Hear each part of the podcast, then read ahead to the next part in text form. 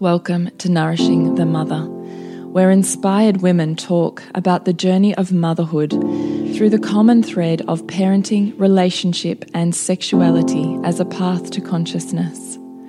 We ask, in what ways can we show up more fully, live more meaningfully, parent more wholly, and love more unconditionally? How can we mine the wisdom from the experiences of our lives and expand into those challenges?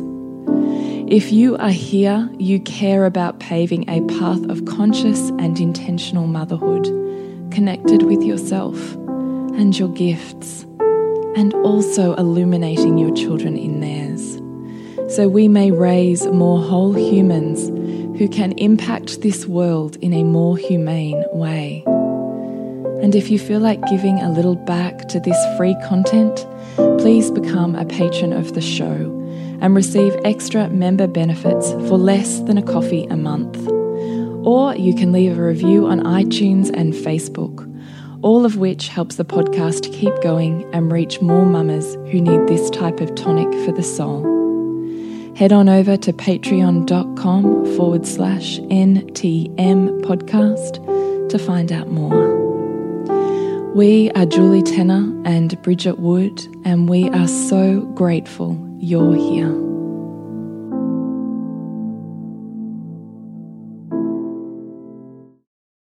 Hello, and welcome to Nourishing the Mother. I'm Bridget Wood. And I'm Julie Tenner. And today's podcast is How Are You Handling Going Back to, in inverted commas, school, school of your choosing, school of your destination school of your desired outcome. How are you handling the entire situation of kinder or childcare or just, as Bridgie said, the, emerging from the cocoon? The post COVID world of education for your child. That oh, kind of encapsulates Well, it. that was more articulate.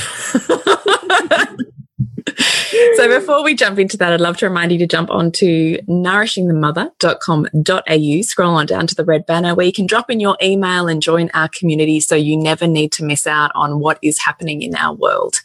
Which means everywhere we've popped up in media and interviews, everywhere we've got a blog or something special to say, and when we have courses or downloads that you can take part in. So if you really want to be more intimately involved in nourishing your inner mother with us, then please sign up nourishingthemother.com.au. All right. So, it's a big week happening here for a lot of people, um, at least in Victoria. I know that we have obviously our listeners all around the world. In fact, some of our listeners in the UK don't have their kids going back to school till August, which kind of blows my mind because it just seems like months and months away. But that's the difference, I think, um, in terms of how COVID is being experienced in different parts of the world. But here in Australia, some states have already gone back to school. We're going back this week. It's staggered, so just the younger kids at the moment. And there's a lot of questioning, I guess, about um, too soon? Is it the right thing? Um, how are kids going to go? Um, for some of our kids, we've been kind of self isolating for upwards of 10 or more weeks now. Like it's a significantly long time. There's some parents who are still not sending their kids yet because they're not too sure or they're feeling anxious. Mm. So we thought, let's open the conversation up. What are we doing about it? What's it look like for us? Um, what are we? What are our considerations? How are we supporting our children? What are we working through ourselves to feel in alignment with our choice to go back?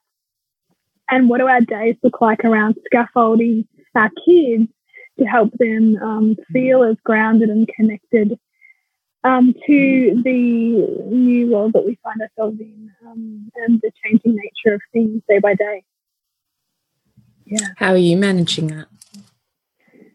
So for me, well, it's so interesting, isn't it? Because I really feel like we've gone like full circle so much in this conversation around like homeschooling and unschooling and the education system and and in fact as much as I have loved having my son at home I commented I think in the last in one of our recent podcasts that if I was to homeschool, it wouldn't look it wouldn't look like school at home like what it looks like. Mm.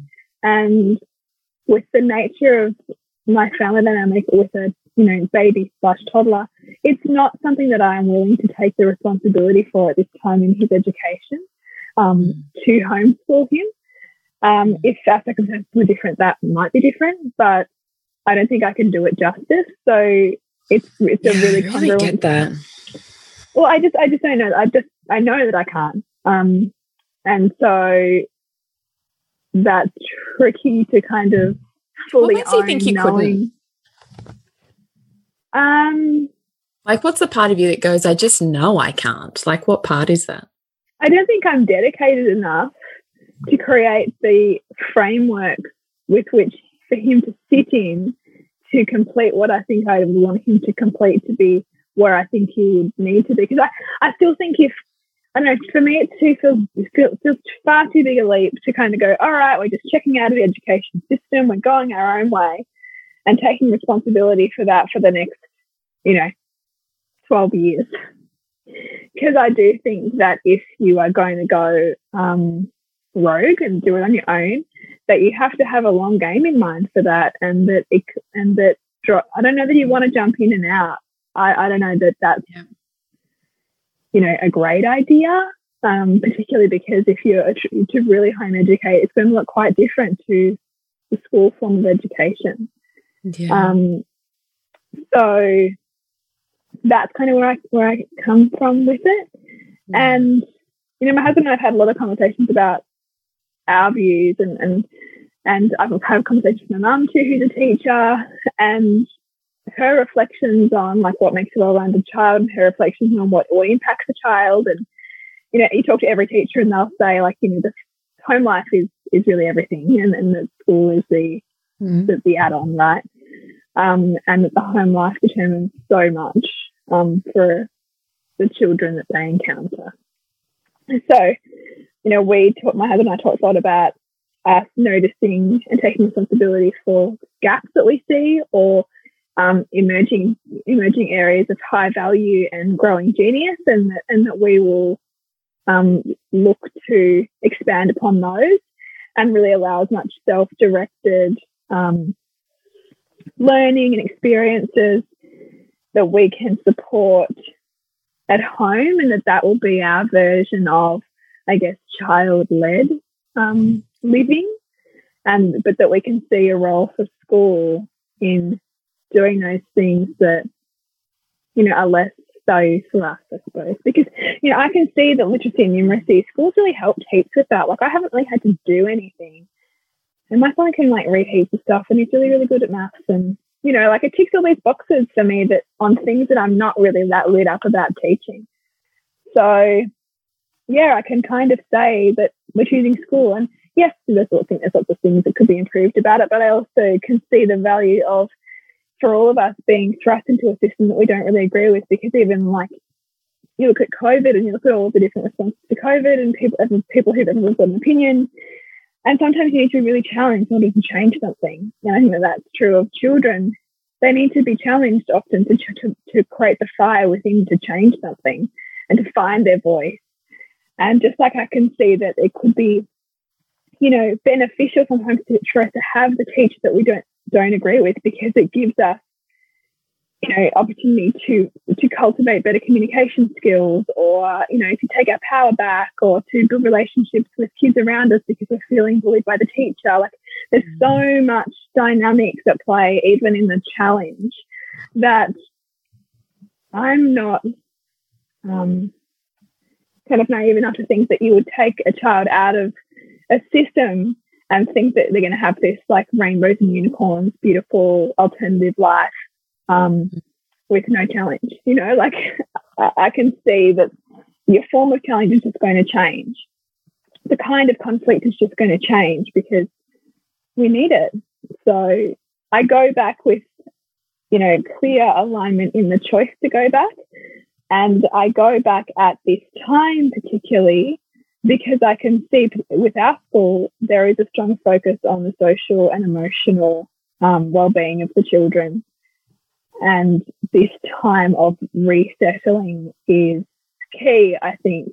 Um, and so I want him to be part of that. I, I don't want to kind of wait till it all kind of blows over or wait till we're more sure that this is the right time or wait until there's less, um, you know, broader anxiety and pop him back in then because there's benefit for him to be part of, you know, a, a community that's having to readjust together. You know, like there's there's kind of this, this connection in that, and there's a shared experience that will be meaningful for him in that that I don't think um, I want him to miss out on. If that makes sense. Yeah, really super does. Yeah. So that's kind of my what it looks like for us is lots of conversations, visiting the school, like talking about what it's going to be like. Um, I said to him last week, you know, school goes back on Tuesday. We're having lots of conversations about that happening. I said, you know, what do you want? What would, what would be one thing that you would love to do before school goes back? And it was have a friend over for a movie. So we did that. I said to him, okay, so going to have more days off, like, you know, this, this next kind of couple of terms or whatever. And, I said, so let's start thinking about things that we want to do. Um, after school, let's like kind of take afternoon tea and we'll set up the bike jumps. And so I'm trying to give him agency around things um, that he doesn't have as much agency in so that he, um, so that, that the, the jarring nature of, of this transition won't be as dark for him, right? Because they've had so much freedom, like at home, like you can kind of, I don't know, like it's, it's freedom to be you, and now you're going back into a system which is much more has much more constraint. And so, I'm, I'm aware that that constraint will um, there'll be friction and there'll be resistance in, in going back and trying to fit into into that kind of um, model. And so it's about giving him choice where I can around that, so that um, yeah, he feels some part of that decision making, you know? So has he had an emotional reaction at all or not? Uh, he, he often says, I hate school, I don't want to go back. You know, I don't want to go back to school, I don't like school. It's just his general um, attitude. He only likes PE, lunch, and riding to and from school, essentially. but I can see him saying that, but I also notice, I also know that there are some things that he really enjoys, but that he's not thinking about those things. He's thinking more about the recreation time and the play time and the, the fun time, you know, like because his focus is more social than sitting down and doing the work and being, he doesn't like to be told what to do. He's like me. and so he perceives it that, you know, he has to go there and get told what to do. You know? Mm. Mm. But I haven't seen a great deal of, of resistance yet. Um, he seems to be resigned. He seems to be resigned to the fact that he's going back.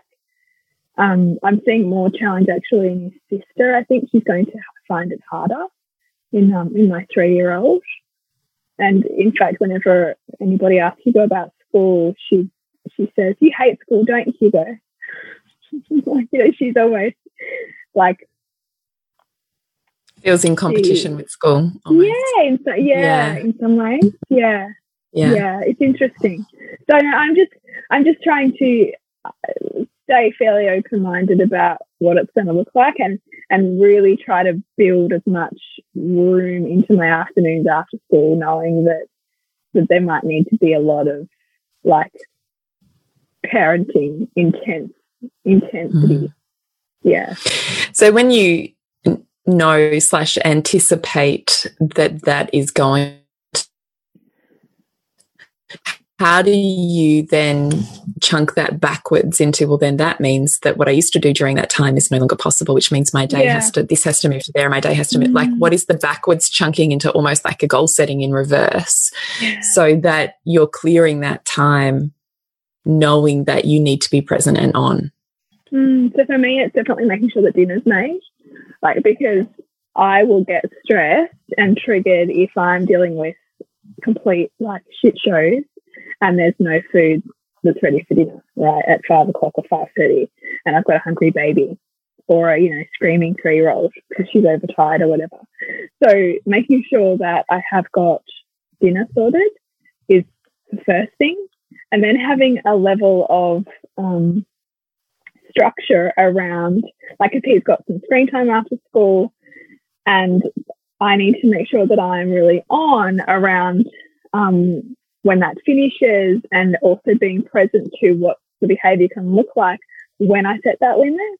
Because if there's feelings there and hurt or anger there, then that's going to come out when I set the limit. A little bit like when I turn off my three, three year old shows. Like I, I'm prepared for the fact that when I say to her, this is the last one, she's often going to um, really resist that and get angry or have a big um, release around it. And so mm.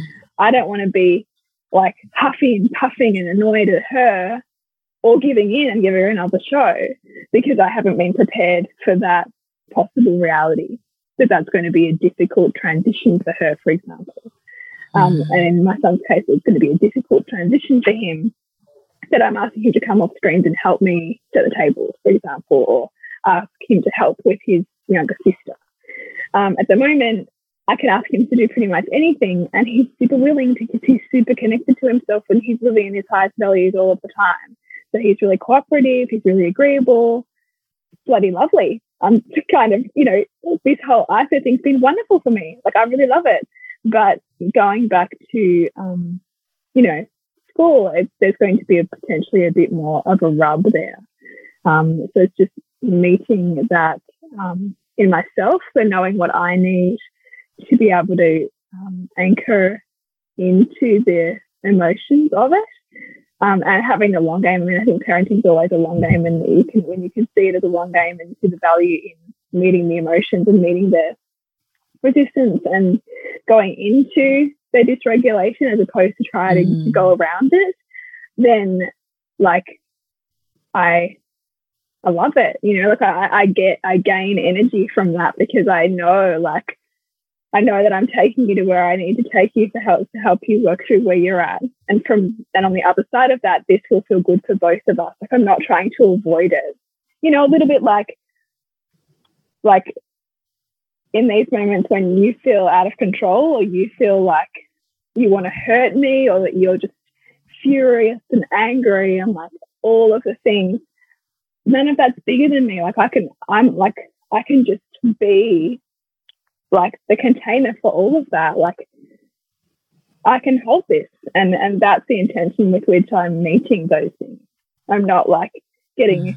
annoyed at the way that you're speaking to me in that moment because I can see that that's a symptom of something much deeper. And then after we've worked through the thing that, that's much deeper, then we'll be talking about you know, hey, the tone you might have used, or you know, all of that stuff that I want want to be learned and understood after we've kind of met the the furor that's on the top. Yeah. Mm. So I'm feeling good at the moment. I'm feeling prepared at the moment. Um, for the, it sounds like that's not an accident though. Like I hear you say, you know, I'm feeling really good and I'm feeling really. So this is me pouring myself a cup of tea. Um, I hope you are too if you're listening. But it's not random and you haven't just got lucky. Like when I listen to you, there's a heck ton of thought, preparation, skills, practices, mm. continuing practices, continuing of meeting.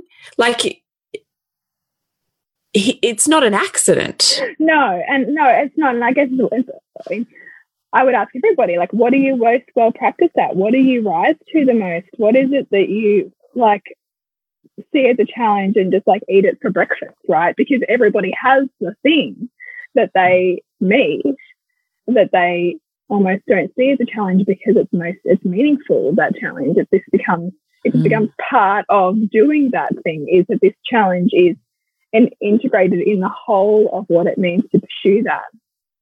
That's how I feel about this. You know, that's how I feel about seeing wider than surface level behavior and seeing wider than like my own triggered states because those are just feedback for me to learn from.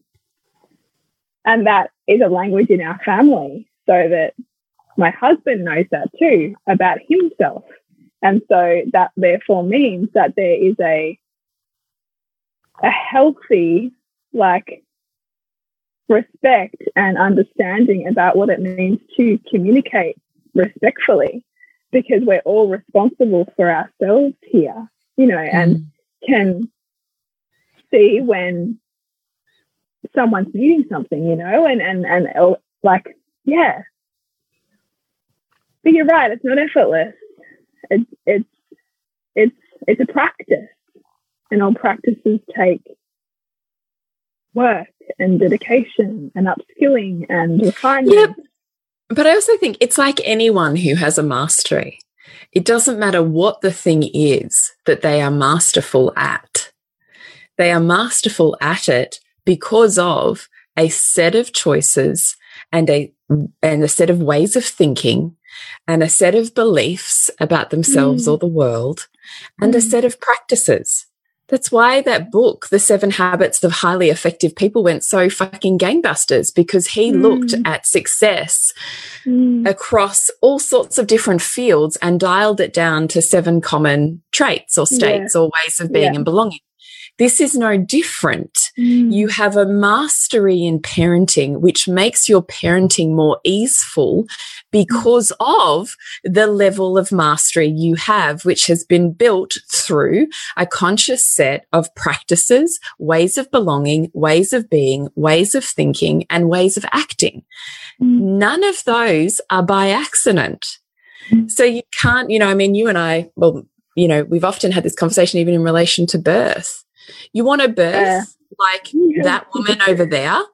What choices did she make? Mm. Dial them down. Ask several people that have had ecstatic birth experiences. What were the choices they had in common? It's not an accident. Turns mm. out there's a level of cause and effect. So I get riled up when all of a sudden same with fucking financial mastery. Like how many courses, particularly now during COVID, are there out there about building wealth? Declutter your, you know, money mindset beliefs. Take in new ones. Learn from me how I have this mastery over money and wealth.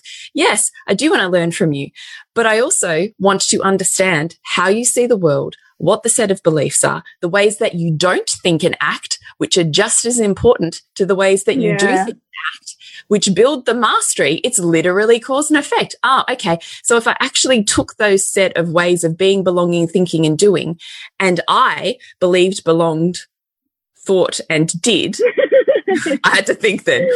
Yeah, yeah. Then my reality would be as your reality is. Mm. So don't want anybody getting stuck in this vortex where they go, oh, Bridget, you're so lucky. You have this husband who you can, who just owns his own shit. And you're so lucky that you know, you, you can just do this and you can just meet your kids and, mm. um, you know, gosh, that sounds so easeful, which is like the opposite of the experience that I have. So either Bridget, you're lying and not telling the whole truth, or you're hiding and masking pieces of it on social media, you know, or I don't know what the other alternative is. You just don't live like me. Mm. Neither of those things turn out to be correct. This is Bridget in her full authenticity saying none of this happens by accident. Here is the ways that I see the world, belong to the world. Here's how I don't see it and don't think about it. Here's how I do see it and think about it. And here's what I do in response to those. You want the same level of whatever is happening in my life? Just do that. You know? Yeah. I feel like I do know. somewhere along the ways. No, no. And, I, and I'm thinking also about the sort of lifestyle choices that I've made, right? Like, so I've chosen consciously and chose this many years ago that I was no longer going to do the 12 hour corporate life, 12 hour day corporate life thing because I simply knew it was in complete, at complete odds with the way that I wanted to raise my children, like the, and the kind of way that I wanted to parent them. Mm. You know, the way that I want to parent my children means that I have to think like, what do I need to put in to myself so that I can show up to the, as, as the person I want to be for them and not give them the scraps around other things that are more important. Because I see how I show up to them as just as, if not more important, than how I might speak on the phone to some to some important, you know, business call or speak on the phone to some like deal I'm trying to do, right? Like I I expect of myself the same level of communication with my children as I would as I would expect of myself with you know a important whoever, right? And like of course we stumble because we're also incredibly imprinted by a culture that doesn't respect children. So I also have to pick myself up on my language. But I did that, but that's a learned behavior of, oh, like I just spoke to you pretty rudely. Like I'll go and apologize to my child, right? Like for where I like didn't be the person I wanted to be in that moment. Um, and that's what that's that's the level of importance that I put on it because it's a high value. As for you. Yeah, yeah, but that's what I want to say is you can have the exact reality that you're talking about here. You mm. just. Need to train yourself the way that you have trained yourself. Mm. You know? Yeah. And then I, and then I'm like, and of course, like I'm doing Queen School, and I'm like looking at Julie's like relationship, like fucking like ninja work, and I'm like, mate, like I've got to, that, that's my next, next level of, I want to like create more mastery there. But you've got to allow, um, what is it? Like, what's that, what's that quote? What does it say? I want to, I want the um, space between where I am and where I want to be to inspire me, not defeat me or not, mm. um, yeah, you know, be, because that's the thing. Like you, so often we sell ourselves short because we look at where we want to be and we go, well, I can't have that. And yeah. so we stay, stay, so we stay safe in like, yeah. like this existence yeah. place. Yeah. Whereas it takes a lot of like, you know, like humility and courage often to go, okay, like I want to get to a place like that. My own version of what that looks like, right? Because we all have our own version of what whatever it is that inspires us. It needs to be it needs to be transmuted and then expressed in our own form. But uh, again, I need to look at what practices can I change and adjust within myself to achieve an outcome like that. Just like you would if you're trying to go for like a personal best in your exit fitness stuff. I don't know what that is because I don't know about fitness. No, well, it's interesting actually because I shared. I don't know if you saw today's live in Queen School or not, but I, um, I haven't, yesterday. But I, I have to watch it. Well, it was simply that yesterday I was listening to this podcast and it's completely irrelevant, but I've decided I'm, you know, doing a dive back into body health and, you know, all of that. Probably, probably if I think about it, Lola inspired, but I'm sort of just revisiting a lot of functional body work stuff. So I was listening to this international coach talk about micro training and micro steps and mm. that he's worked with top level athletes and you know taken kids with cerebral palsy who who couldn't even wipe their own bottoms to being fully functional adults in their own home so amazing. yeah amazing so he was just this super rad dude to listen to and at the end of the day his message was that it's the micro movements and it's mm weights. He said, I don't see anybody unless they're ready for a two year journey at minimum. Really, for some, could be 20. Wow. Like, and 20 in terms of pick, pick your, you know, your life goal. He kind of works for, with clients for a two to, uh, sorry, two to five year goal setting. So he doesn't talk about results in a shorter time frame than two years. So most of his clients hire him for a two to five year period to walk them through the processes. It's super interesting. And he's also over the course, he's older now, he's sort of our parents' age, worked towards becoming a poet in the world. And he was saying the poet master that he studied with said to him, Well, you know, maybe in five years you'll be able to write a sentence. Maybe in 10 years, a paragraph maybe. And maybe in 20, you'll actually write a poem that's worth half its salt. Maybe. And he was, and I was like, this is so good. This is so mm. good. Cause his whole thing was like two years. Was it like two years? Like before you know it, two years will be gone. So it's just two mm. years.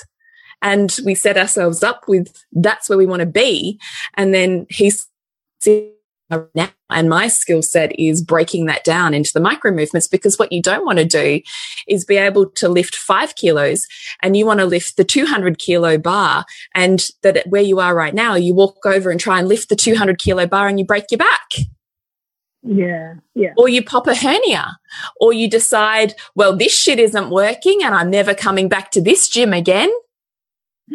Like, yeah like you don't go from lifting a five kilo weight to lifting a 200 kilo weight without sustaining injury unless you micro move it, micro step it.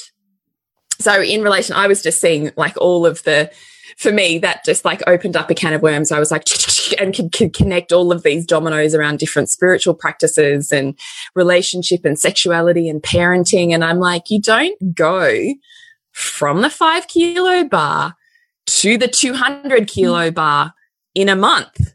That's not how it works. So, you know, in couples I'm counseling now, I'm, I'm saying to them, you know, have you, have you got two years that you can give it? Because to go from where you are to where you want to be, you're probably going to need to commit to that period of time. Are you in for that journey? Mm. So, because as soon as you do that, I feel like it alleviates the pressure of right now because those micro steps become one, inspiring, two, experiences of success, and, you know, three, achievable. And you can just keep stacking them. I um I always use this because my son will often look at the dishwasher like when I'm telling him to unpack it, and he'll be it, he'll like go into like almost like that collapse state because it's yeah, yeah. overwhelming, right? And um, I always think of what John Demartini says, which is by the by um, by the inch it's a cinch, and by the mile it's a pile, right? Like so, it's all oh, about oh, so like good. just that's, chunking it right down. Yeah, it's, yeah. And then you all of a sudden you've like done it because you haven't because the overwhelm is when you're when you're looking at and this this will be true for Queen School. Like if you've got like yeah, that's why I was saying it today. but if but if you know like if you haven't like you know practiced any of this stuff, you're looking at Queen School and going, oh my god, like you know, potentially you're going into collapse or yeah. you're going into complete rigid self rejection because you're like I can't even do that because it's overwhelming. Yep but it's about chunking, like choosing one practice, you know, and this same same truth is true for parenting, like choosing yeah. one trigger that you keep coming up with your child and learning the practice of widening into that one thing. And then you build the tolerance within yourself to know that you can continue to meet that. And then you, you know, your child brings you more and you expand more into that. And, and that then goes into every area of your life because you build a level of tolerance and spaciousness to know that you can meet what's coming for you. Mm. About when I was just I'm like, yeah, because it's not, you know, I go from potentially where I am to being Bridget. It's there's there's a two year journey between me and her, or you know, my eldest is 14. You could have 13 years between you and me. Now, I'm not saying you can't speed that up and collapse that down, but you can't look at where someone else is and decide you can't reach that bar or that bar isn't true. Mm. You know? Mm.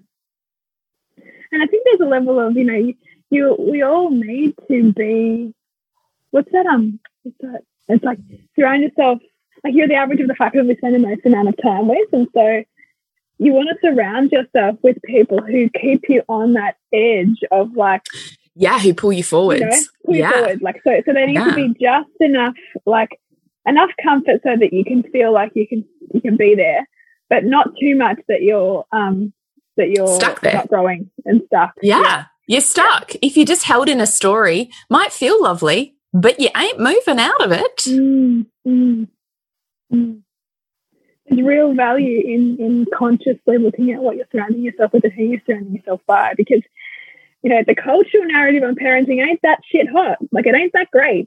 So if no, you're happy not. with the cultural like norm and that's good for you then cool. But we're not.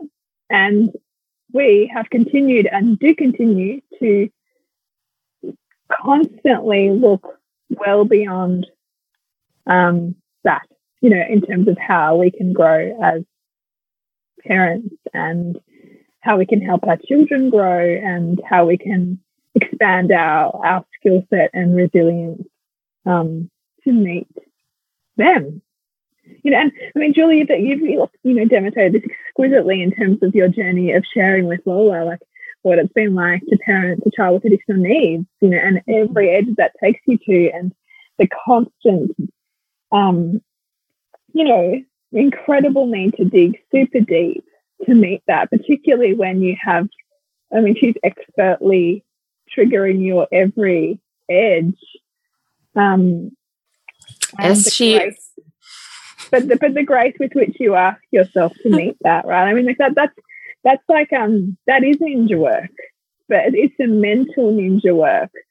Um, it's the, the physical, like, you know, working with your own body and knowing you know, that the beast is within you, right?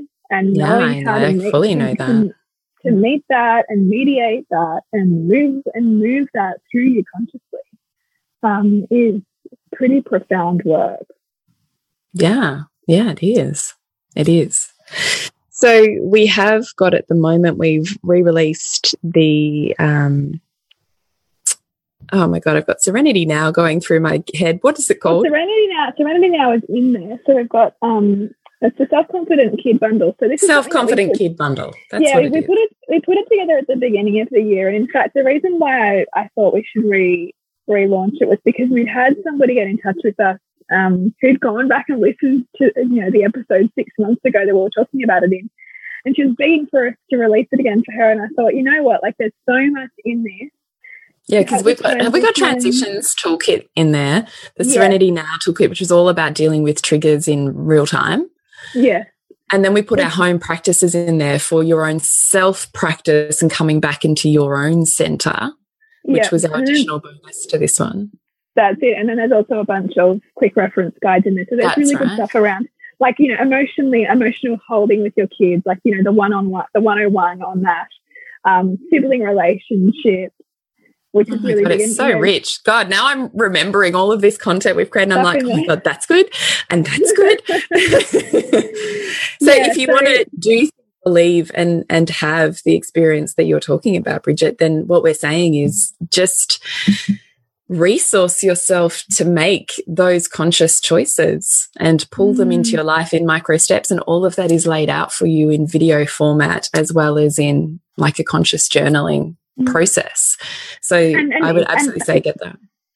And the big thing with um with the transition, transitions toolkit and also you know with with all of our work really is that there's there's just as much focus on self as there is on on the child.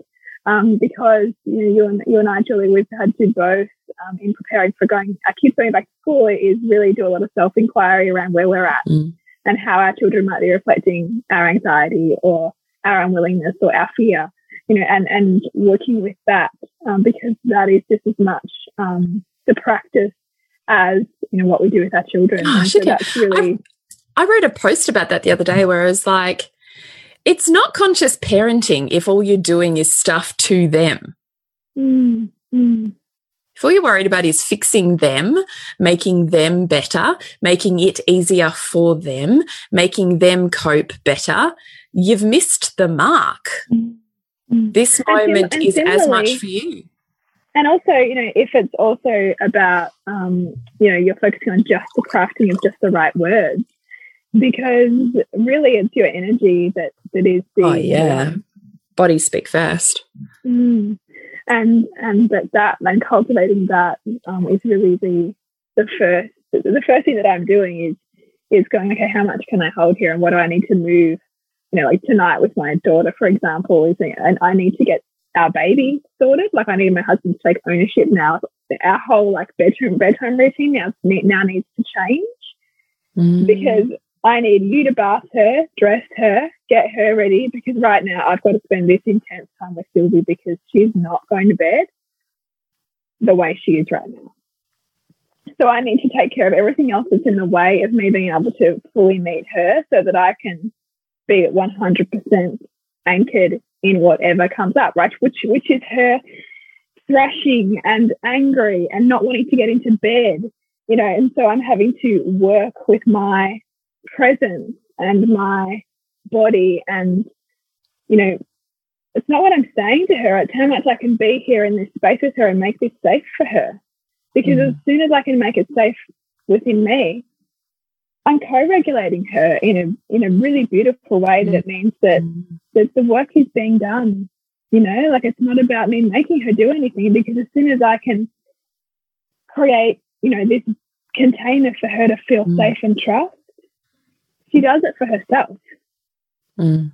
So you know that's an example of like looking at like all of the things that also need to be to be shifted and changed to make that a priority and to also ensure that we as mothers can focus on that child and their needs and not be surrounded by all of the other competing priorities, you know, like the dinner or like the baby mm-hmm. or everything. So yes, hop in and get the self confident kid. So you can find out about that through any of our socials, Instagram or Facebook, Nourishing the Mother, as well as nourishingthemother.com.au on our website. You'll be able to get it there. You'll see a link on the front page as well as um, in our down downloadable shop section. So please feel free to go and have a look at that.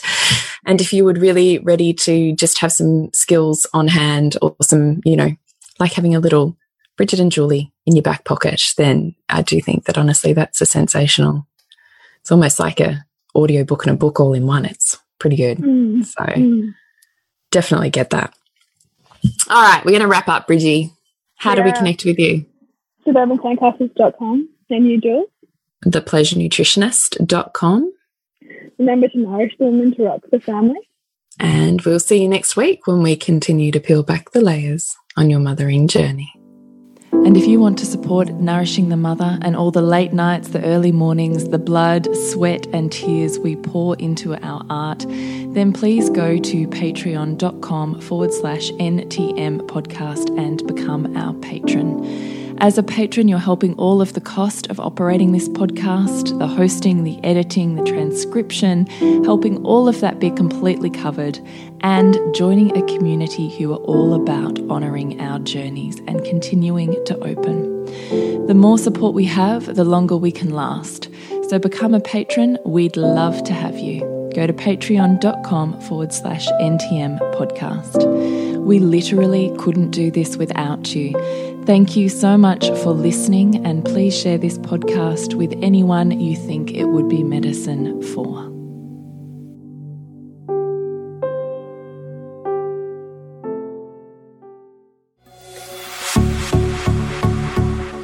This has been a production of TheWellnessCouch.com. Check us out on Facebook and join in the conversation on Facebook.com forward slash The Wellness Couch. Subscribe to each show on iTunes and check us out on Twitter. The Wellness Couch, streaming wellness into your lives. Whilst the Wellness Couch presenter endeavor to provide accurate and helpful information to their listeners, these podcasts cannot take into account individual circumstances and are not intended to be a substitute for health and medical advice from a qualified health professional. You should always seek the advice of a qualified health professional before acting on any of the information provided by any of the Wellness Couch podcasts.